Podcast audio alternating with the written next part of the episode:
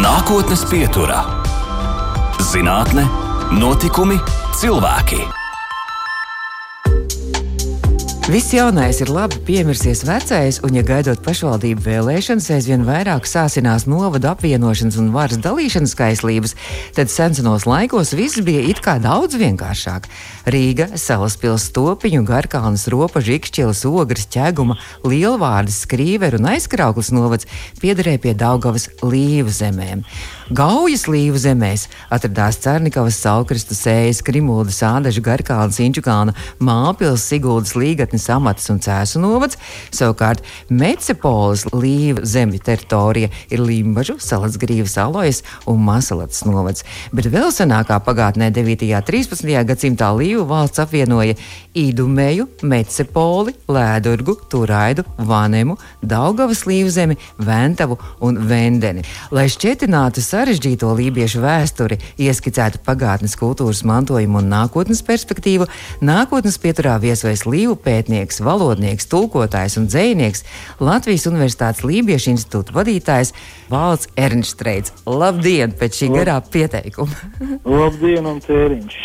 Šodien arī ieskanos nedaudz lībiešu valodu. Tēriņš. Jā, te jau arī tika pieminēti tās dažādās lībiešu vēsturiski apdzīvotās teritorijas, arī kurzemi tur izskanēja, jo faktiski lībieši apdzīvojuši arī, arī lielu daļu kurzemes, faktiski nobalas upes uz augšu, un arī senatnē lībieši apdzīvojuši arī daļu zemgals. Tā kā patiešām Latvijā es neteiktu, ka bija vienkāršāka savu laiku dzīve, bet uh, noteikti daudz citādāka un raibāka. Bet nu, tiešām tas ir tā, ka bezmaz visā Latvijas teritorijā ir lībieši kādreiz dzīvojuši. Tagad mums tā tradicionāli liekas tas lībiešu kurzemes, ziemeļkurzemes krasts. Jā, nu tas Ziemeļkurzems faktiski tā ir tāda pēdējā, pēdējā teritorija, kur lībieši saglabājās visilgāk, bet senatnē ļoti lielā Latvijas daļā dzīvo lībieši. Principā tiek arī pēc jaunākajiem uh, pētījumiem um, Latvija varbūt ir tā vieta, kur vispār ir uh, radušās no vienas senās pirmtautas, ir sākušas veidoties visas Baltijas jūras somu tautas, tas ir respektīvi gan lībieši, gan igauņi, gan somi, karēļi, ižori, vepsi, voti, kas pēc tam jau devās tālāk uz ziemeļiem, lai, lai dzīvotu tur, kur viņi tagad dzīvo, lībieši faktiski bija tā daļa, kas palika šeit, kas joprojām un līdz pat mūsu dienām dzīvo Latvijā, un, uh, un uh, tā arī kļuva par šo Latvijas pirmiedzīvotājiem, par kuriem tieši dēļ mazā skaita varbūt tādā mūsdienu Latvijas kontekstā ir uh, arī pienests vietām. Pēc zinātnieku aplēsēm, es nezinu, vai pareizi vai nē, bet 12. un 13. gadsimtā Mijā Latvijas teritorijā esot dzīvojuši apmēram 20 tūkstoši lībiešu. Tie vēlākie šī gadsimta un gada tūkstošu tautas skaitīšanas dati uzrāda krietni jau mazākus skaitļus, daudz mazākus skaitļus. Jā, nu arī tās teritorijas bija lielākas un tolaik cilvēku bija mazāk. Un, un, un bieži vien, teiksim, kad mēs lasām par to, kā, kā notika varbūt senajos laikos šie iebrukumi un sirojumi un, un šķiet, ka tur bija tūkstošiem lielas armijas, un bieži vien tie sirojumi bija patiesībā varbūt kādi 12, 20 cilvēki, kas devās, devās kara gājienā, un, un to laiku priekš 12. gadsimta arī šie 25 tūkstoši lībiešu, kas bija ārkārtīgi liels skaits. Es domāju, ka mūsdienās tas atbilst kādiem 300, 400, 500 tūkstošiem. Apmēram šis cipars, un, protams, ka laika gaitā tās lībiešu teritorijas pamazām samazinājās, bet uh, viena lieta, kas varbūt paslīd garām, ir tas, ka cilvēki jau nekur nepazūd. Tas, kas pazūd, ir, ir kultūras, valodas. Un uh, tieši tāpat notika arī ar lībiešiem, principā saplūstot ar citām baltu ciltīm, kas dzīvo Latvijas teritorijā, ar pašiem latgaļiem, zemgaļiem, kuršiem, sēļiem. Izveidojās tas, ko mēs mūsdienās pazīstam kā, kā latviešu tautu, latviešu nāciju un pamazām lībieši kā viens no komponentiem arī, arī izveidoja šo jauno būtībā tautu, bet arī paņemot ļoti daudz ko no sevis līdzi. Tas ir gan valodā, gan ikdienā. Tas ir tas, ko mēs uh, faktiski redzam mums apkārt, bet par ko mēs varbūt daudz viet neaizdomājamies. Tas, kas ir redzams vietvārdos, tas, kas ir redzams tajā, kā mēs runājam un, un kāda ir latviešu valoda. Jo, manuprāt, lielākā un galvenā atšķirība, kas latviešu valodu atšķir no jebkuras citas, jebkad pastāvējušas baltu valodas, ir tieši šī lībiskā Caur to arī Baltijas jūras un klātbūtni, kas šeit ir. Un arī varbūt latvieši padarīs tādus, kādi mēs esam šobrīd. Nedaudz vēlāk parunāsim arī mazliet detalizētāk par tradīcijām un arī valodu. Bet runājot par Latvijas Universitātes Lībiešu institūtu, tā ir zinātniskā iestāde, pētniecības iestāde. Jūs esat tās dibinātājs un arī vadītājs. Ar ko tad jūs nodarbojaties? Mēs nodarbojamies ar to, ar ko faktiski Latvijā vajadzēja nodarboties jau sen. Un tieši ņemot vērā to, ko es pirms tam stāstīju arī par šo lielo lībiešu ietekmi, kāda šeit ir bijusi, tas ir ar, ar ļoti dažādiem un daudzpusīgiem lībiešu mantojuma pētījumiem, gan no tāda lībiešu aspekta, gan arī Latvijas kontekstā kopumā. Mēs esam faktiski ļoti jauna institūcija. Mēs esam dibināti pirms mazāk nekā trījiem gadiem tika izveidots Latvijas Universitātes Lībiešu institūts. Nu, tas ir, es teiktu, kādus simtus gadus vēlāk nekā tam vajadzēja tapt, jo, jo patiešām tā lībiešu nozīme ir bijusi ļoti liela. Līdz šim lībieši pamatā tika pētīti citās valstīs, piemēram, Igaunijā, Somijā, arī Krievijā, Zviedrijā, un tāpēc mums tādā lībiešu lietās ir ļoti sarežģīti, jo mums sanāk, ka mums arī avotu krātuves lielākā daļa atrodas ārpus Latvijas. Un tas bija tas iemesls arī, kāpēc es savu laiku devos studēt uz Tartu universitāti, jo, jo tobrīd Latvijā vispār nebija iespējams apgūt lībiešu valodu nekādā līmenī. Mans tas, teiksim, tas zinātniskais darbs lielākoties saistījās tieši ar, ar, ar darbu Tartu. Un tad pirms trījiem gadiem radās šī ideja beidzot Latvijā nodibināt arī institūciju, kas būtu veltīta somugru pētījumiem un primāri, protams, tieši lībiešiem lībieši ir tā, tas Latvijas lielais un, un neizpētītais mantojums, un tā faktiski arī Lībiešu institūts radās. Tas, ko mēs šobrīd darām, mēs ļoti daudz strādājam no vienas puses gan pie lībiešu valodas un, un kultūras pētniecības, bet no otras puses arī pie tā, lai lībiešiem būtu labākas iespējas saglabāties gan šobrīd, gan attīstīties nākotnē, jo šobrīd ir tā, ka lībieši ir uh, viena no apdraudētākajām pasaules tautām, un lībiešu valoda ir viena no apdraudētākajām uh, pasaules valodām, un tā ir visapdraudētākā Eiropas Savienībā. Mm, Jā, bet kāpēc? Tieši, tieši tāpēc, ka ir valodas pratēju skaits ir ārkārtīgi mazs. Cik varētu būt apmēram? Uh, ap 20 cilvēkiem šobrīd runā lībiešu valodā. Un, un tāpat laikā teiksim, tā līdziešu valoda ir ļoti būtiska vispār visā Baltijas ziemeļu areālā, tieši tāpēc, ka lībiešiem ir bijuši ārkārtīgi liela ietekme. Un ne tikai Latvijā, bet arī visā, kas mums ir apkārt. Man bija nesen, es biju pieķēries vienai interesantai tēmai, pilnīgi nejauši, kas bija saistīts, piemēram, ar debesu pušu nosaukumiem. Rīgas jūras līča apkaimē. Un, un tā pētījuma rezultāti parādīja to, ka faktiski tas lībiešu debesu pušu modelis, tā kā lībieši sauc ziemeļus, dienvidus, austrums, rietumus un visus pārējos, tas ir izplatīts ap visu Rīgas jūras līci. Visos, visās latviešu valodas izloksnēs, kas iet ap Rīgas jūras līci, un visās igauņu valodas izloksnēs arī tieši tāpat, kas iet ap Rīgas jūras līci, ko faktiski igauņi citu sauc par lībiešu līci. Kāda ir tie nosaukumi? Varbūt jūs ieskanās tā lībiešu valoda. Poļi ir ziemeļi, austrumi ir mokari, latviešu valodas izloksnēs viņi sauc par mākaru, rietumi ir vežgari, dienvidi ir jedāli Valtis gribēja vēl pavaicāt, kā ir pareizi, jo vai ir pareizi teikt lībieši vai līvi, vai tas ir viens un tas pats? Mm, tas ir m, mm, vairāk vai mazāk viens un tas pats. Šis ir tāds populārs jautājums. Interesants, ka latviešu valodā tas, tas vārds lībieši nāk no ļoti, ļoti seniem laikiem, jo paši pirmie lībiešu pieminējumi ir uh, vēl uh, 11. un 12. gadsimtā. Tur ir gan senkrievu kronikas, gan arī uz bērnu tāsīm un Novgorodā atrastajām ir šie lībiešu pieminējumi, un tur ir kā reiz parādās šis ļipšs vai ļupšs ar B Un, un praktiski latviešu valoda sanāk, ir pārņēmuši šo senāko nosaukumu. Jaunākais nosaukums, tas, kas ir vāciski vai angliski, kas ir Livonians vai, vai latīniskais Livones, tas jau ir tāds jaunāka laika, ierodoties vāciešiem un, un, un ģermāņiem. Un uh, šī ir tāda jau jaunāka laika, laika parādība, kas pēc tam ir ieviesusies arī lībiešu valodā. Bet uh, latviešu valodā šis vārds līvi vairāk ienāca līdz ar Andreju Pumpuru, uh, ar visādi dzējas valodu izveidošanos 19. gadsimtā ar Andreja Pumpura eposu Lāčplēsis. Tas ir faktiski tāds dzīskāks, līdzīgi kā ir, kā ir vāci. Ja? Mēs runājam par Latviju. Mēs sakām, Latviju mēs laikam tā mūsdienās īpaši retāk gadās lietot, bet šodien. Latviju zeme vaļā stāv Latvijas arī, Mārai Zalītē ir arī. Jā, un tas ir faktiski tas pats arī tas dzējas valodas veidošanās laikmets, kad, kad parādījās tādi varbūt labskanīgāki, īsāki vārdi, bet, protams, tur ir tīri no, no tāda latviešu valodas viedokļa, tur ar viņiem ir daudz grūtāk, jo, jo nu, piemēram, tur sieviešu dzimta ir ļoti grūti izveidot no vārda līvi, jo kamēr tas ir daudzskaits līdz ir labi. Mm -hmm. Tā kā mēs pārējām uz vienu skaitli, tad mums sākās īstās problēmas. Turpināsim pēc brīdiņa mūsu sarunu. Un, uh, nākotnes pieturas viesis ir Latvijas Universitātes Lībiešu institūta vadītājs, Jā. filozofijas Jā. doktors Valts Ernsts. Jā, runājot par lībiešu valodu, starp citu, tā laikam ir taisnība, ka lībiešu valoda iekļauta izzudošo valodu sarkanajā grāmatā kā viena no visapdraudētākajām valodām.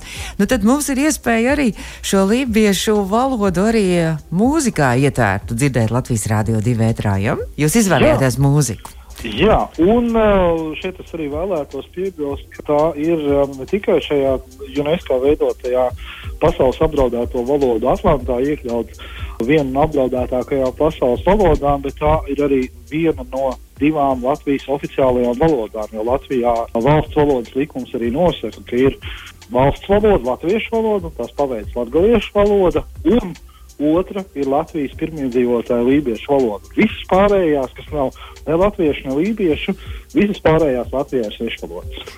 Savukārt es vēl piebildīšu, kas ir teikts satversmē valsts pamatlikumā, kur teikts, ka Latvijas identitāti Eiropas kultūra telpā kopš senseniem laikiem veido latviešu un lībiešu tradīcijas. Nākotnes pieturā - zinātne, notikumi, cilvēki.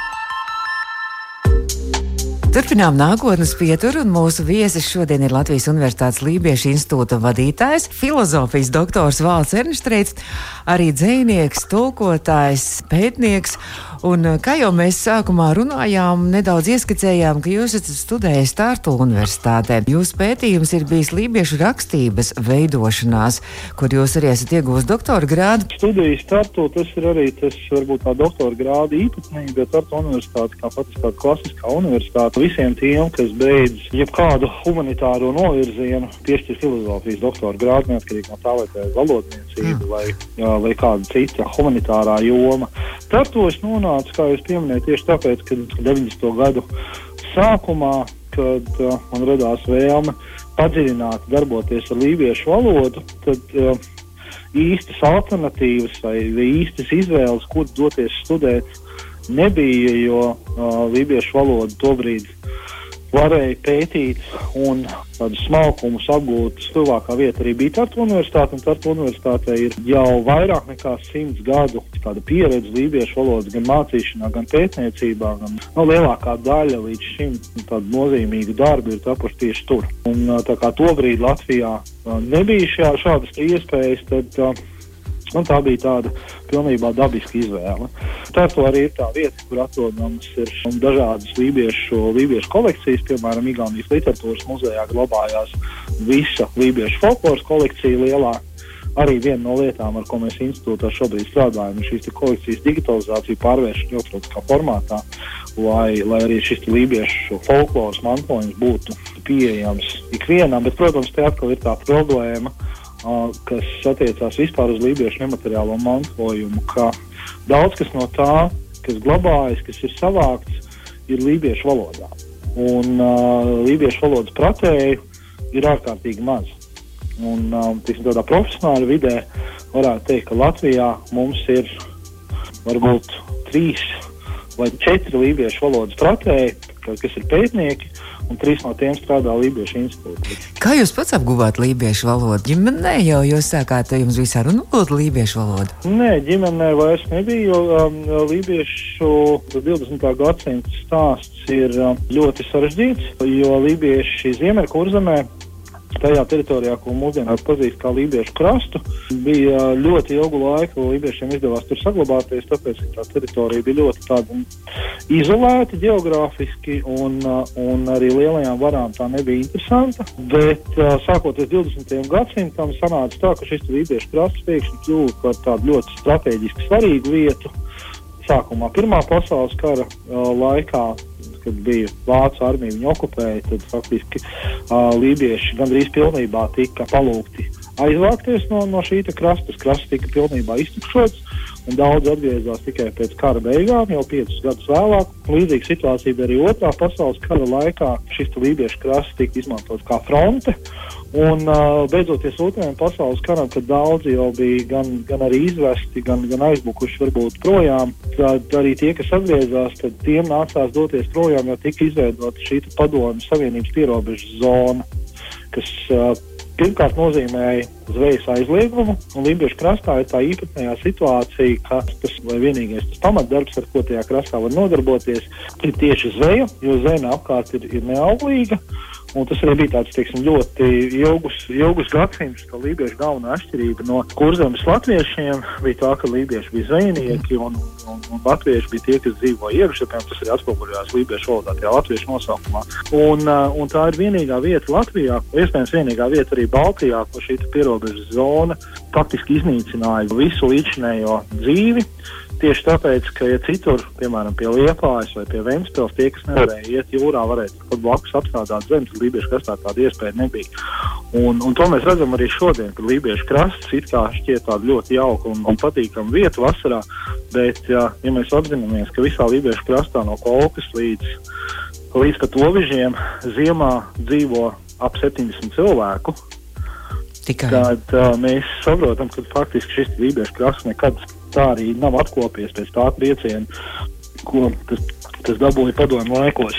Līdz ar to, šai, iestājoties tajā pierobežu zonā, lībiešiem nācās tieši darba meklējumos doties projām. Tāpēc mūsdienās ir tā, ka tās lielākās lībiešu kopienas ir Rīgā, tad seko Viemstils un tad seko citas Latvijas vietas.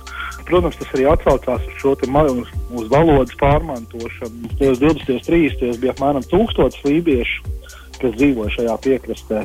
Tad uh, pēc tam izklīstot pa visu Latviju, nu, protams, bija ļoti grūti uzturēt vispār tādas nu, iespējas sarunāties lībiešu valodā.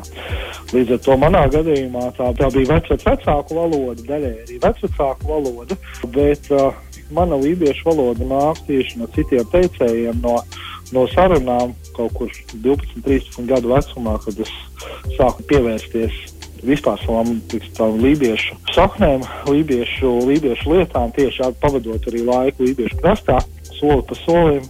Es nonācu pie tā, lai dotos pēc tam jau uz Tartu universitāti, sāktu padziļināt, darboties ar, ar šīm lietām, ar manu pašu mantojumu. Jūs esat uh, veidojis arī Lībiešu, Igaunu, Latviešu vārnīcu. Jā, un arī Igaunu latviešu vārnīca. Šeit ir um, tāda lībiešu, Igaunu latviešu vārnīca bija faktiski palielina tādu um, iesaistīšanās 40 gadu ilgajā darbā, ko mums Tartu universitātes profesors Tīsnēns Vīco bija sācis jau 60. gados, respektīvi vākt lībiešu vārdus, standartizēt un padarīt pieejamus. Un, un, un bija tā pirmā pieredze pie nopietnas vārnīcas sastādīšanas. Es pats biju sastādījis jau pirmo vārnīcu 99. gadā, kas bija pirmā lībiešu latviešu vārnīca vispār, kur iznāca. Pēc šī projekta sekoja viens ļoti liels projekts, kas bija gan latviešu vārnīca. Jo man sanāca sākumā pusgadu laikā nācās iemācīties igauņu valodu. Būdams students, protams, kad bija tas jautājums, ko tad var iesākt, kādu darbu var darīt, lai varētu pats sevi uzturēt cilvēks, un tad automātiski bija tā izvēle, ja reiz es zinu latviešu un igauņu valodu, es varētu strādāt par tulku. Un, un es esmu faktiski ļoti uh, ilgu laiku nostrādājis paralēli uh, studijām un pētniecībai arī kā tulkotājs un tulks tieši latviešu igauņu kombinācijām. Mm. Vārnīca bija tāds sav, savā ziņā vainagojums. No, tur apmēram 1300 lapas kopā ar kolēģiem sastādījām un to tādā ļoti īsā trieciena tempā. Nākotnes pieturā - zinātne, notikumi, cilvēki.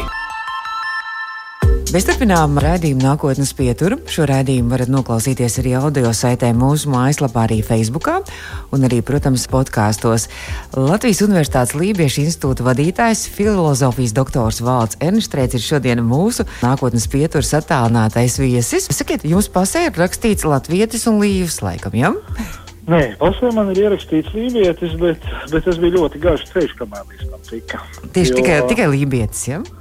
Jā, uh -huh. jo savu laiku bija tā, ka 78. gadā PSRS lībieši tika dzēsti no tautību reģistra, un uh, ļoti daudziem lībiešiem bija tā situācija, kad atjaunojoties Latvijas republikai, viņiem bija uz rokām dokumenti, kuros bija rakstīts latvietis.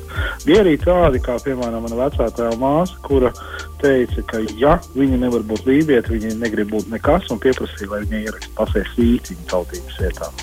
Man bija tā situācija tāda, kad atjaunojās Latvijas republikas, um, aizgāju uh, palūgt, uh, lai man ieraksta šo tautību lībietis pasē, un pēc garām diskusijām. Uh, man izveidojās tāda situācija, kad es biju uh, reģistrā, reģistrēts kā lībietis, taču pasē man, man atte, atteicās izdot pasu galdu pasi, kurā būtu rakstīts šis tautības nosaukums. Tā ir tāda lieta, ko laikam var saprast tikai tad, ja ar to saskarās. Kā tas ir, kad tev saka, ka tu nedrīkst būt, ka tu neeksistē. Lai nu kā, bet uh, gala rezultātā es um, šo tautības ierakstu pasē dabūju, tikai tas notika 15 gadus vēlāk. Mm -hmm. Bet runājot par uh, latviešiem un lībiešiem kopīgo, mums ir arī kopīgas tradīcijas, mums ir arī kopīgs kāds vārdu krājums, arī acīm redzot. Ja? Jā, nu, tā arī ir varbūt viena tā, tā lieta, kāpēc, kāpēc ir ļoti grūti atbildēt uz jautājumu. Ar ko lībieši un latvieši atšķirās, tas ir jautājums ar divām pusēm. No vienas puses, var teikt, ka um, lībieši no latviešiem neko neatšķirās. Jo būtībā jau lībieši ir viena no tām sastāvdaļām, kas mūsdienu latviešus ir izveidojuši. Respektīvi, ļoti daudz, kas, kas ir ienācis, ko, ko mēs ikdienā lietojam latviešu valodā, mēs pat nepamanām. Un arī kultūras ziņā mēs nepamanām, ka tas vispār nāk no lībiešiem. Vienkārši arī par to netiek tādā aspektā runāts. Tie ir gan valoda, uh, Ja, mums ikdienā, kad mēs liekam uzsvaru uz pirmo zilbi, tas ir ienācis no lībiešu valodas. Ir daudzi vārdi, piemēram, vai, vajag, maksāt, kāzas, pīlādes un tā tālāk, kas arī visi ir ienākuši no lībiešu valodas, arī tas, kā mēs runājam, nāk no lībiešu valodas ļoti lielā mērā. Bet arī tā lībiešu ietekme ir plašāka, ne tikai par valodu un vietvārdiem, bet arī viņi pat iesniedzās tādā mūsdienu kultūrā un mūsdienu Latvijā. Jo, piemēram, Latvijas himnas autors Baumaņa Kārlis, viņš pēc savas izcelsmes arī ir lībietis. Mēs faktiski varam teikt, ka mums Latvijas himnu ir sarakstījis cilvēks ar lībiešu saknēm. Un šādi te um, elementi ir, ir ārkārtīgi daudz. Un, piemēram, vēl viens tāds labi zināms mūsdienu cilvēks, kam ir lībiešu izcelsme, ir Inga Ābele kuras vecmāmiņa pat ir iemācījusi Ingai dažas lietas pateikt lībiešu valodā, un viņa joprojām tās atcerās. Vai kaut vai Krišāns Kariņš, kurš nāk no salatas lībiešiem. Mm. Un viņa vecāks vectēvs bija viens no salatas lībiešu teicējiem. Tā kā nav tā, ka lībieši ir kaut kur pazuduši, viņi tepat ir mums visapkārt. Cits jautājums, vai mēs to pamatām. Par jūsu tiešiem radiniekiem runājot, tad šīs variācijas arī Ernstreits un Ernstreits ir arī, mums ir daži zināmi arī populāri cilvēki, gan dziesmu svētku virsdiriģents Jānis Ernstreits un arī Dāvids Ernstreits, sporta cilvēks. Jā, nu, respektīvi, Ernstreits ir tāds lībiešu uzvārds, kas nāk no Miķeltoņa tieši. Visu Ernstreits, Ernstreits un Ernstreits dzimtais ciems. Bet uh, tur ir tāda viena interesanta lieta, ka sākotnējais tas dzimtas uzvārds ir Ērenštreits. Tad, brīdī, kad viņš tika paņemts, un uh, visi pārējie ir kļūdas. Oh. Gan Dāvinam Ernstreitam ir kļūda, mūsu ģimenē tā kļūda bija manam vectēvam, ja, jo viņam brāļi un māsas bija Ernstreiti. Jānis Ernstreits, diriģents. Yeah. Viņa māsai uh, uzvārds ir Ernstreita. Tā kā jā, tas, jebkurā gadījumā tie, tas viss ir viena un tā paša uzvārdu varianti, bet uh, visi aizstreiti ir gluži vienkārši dažādos laikos tapušas kļūdas, kā nu kuram gadījies.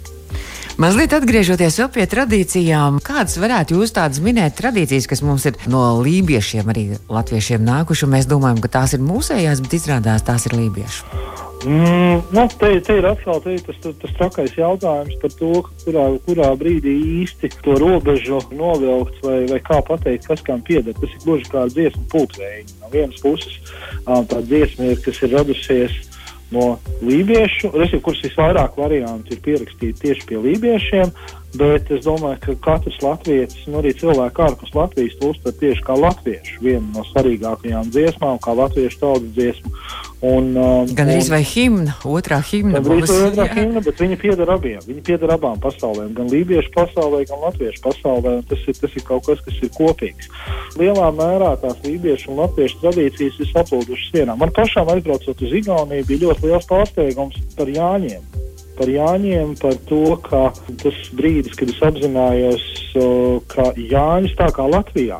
Restīvi, ka mēs braucam ārā no pilsētas, mēs mēģinām atrast kādu vietu pie ūdeņiem, kurināt uguns, kur sēdēt visu nakti, gaidīt rītu. Ka tieši šādā pašā veidā Jānis svin vēl divās valstīs, un tikai divās valstīs. Tā ir Igaunija un Somija.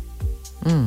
Un man tas lika ļoti pamatīgi aizdomāties tieši par to, kuram reģionam mēs esam piederīgi. Un vēl ir arī tie visjaunākā laika ģenētiskie pētījumi, kas faktiski rāda, ka varbūt tā igauņu un latviešu ģenētiskā tuvība ir daudz lielāka vietām pat nekā latviešu un lietuviešu, kas ir kā valodas ziņā ir ievērojami tuvāk.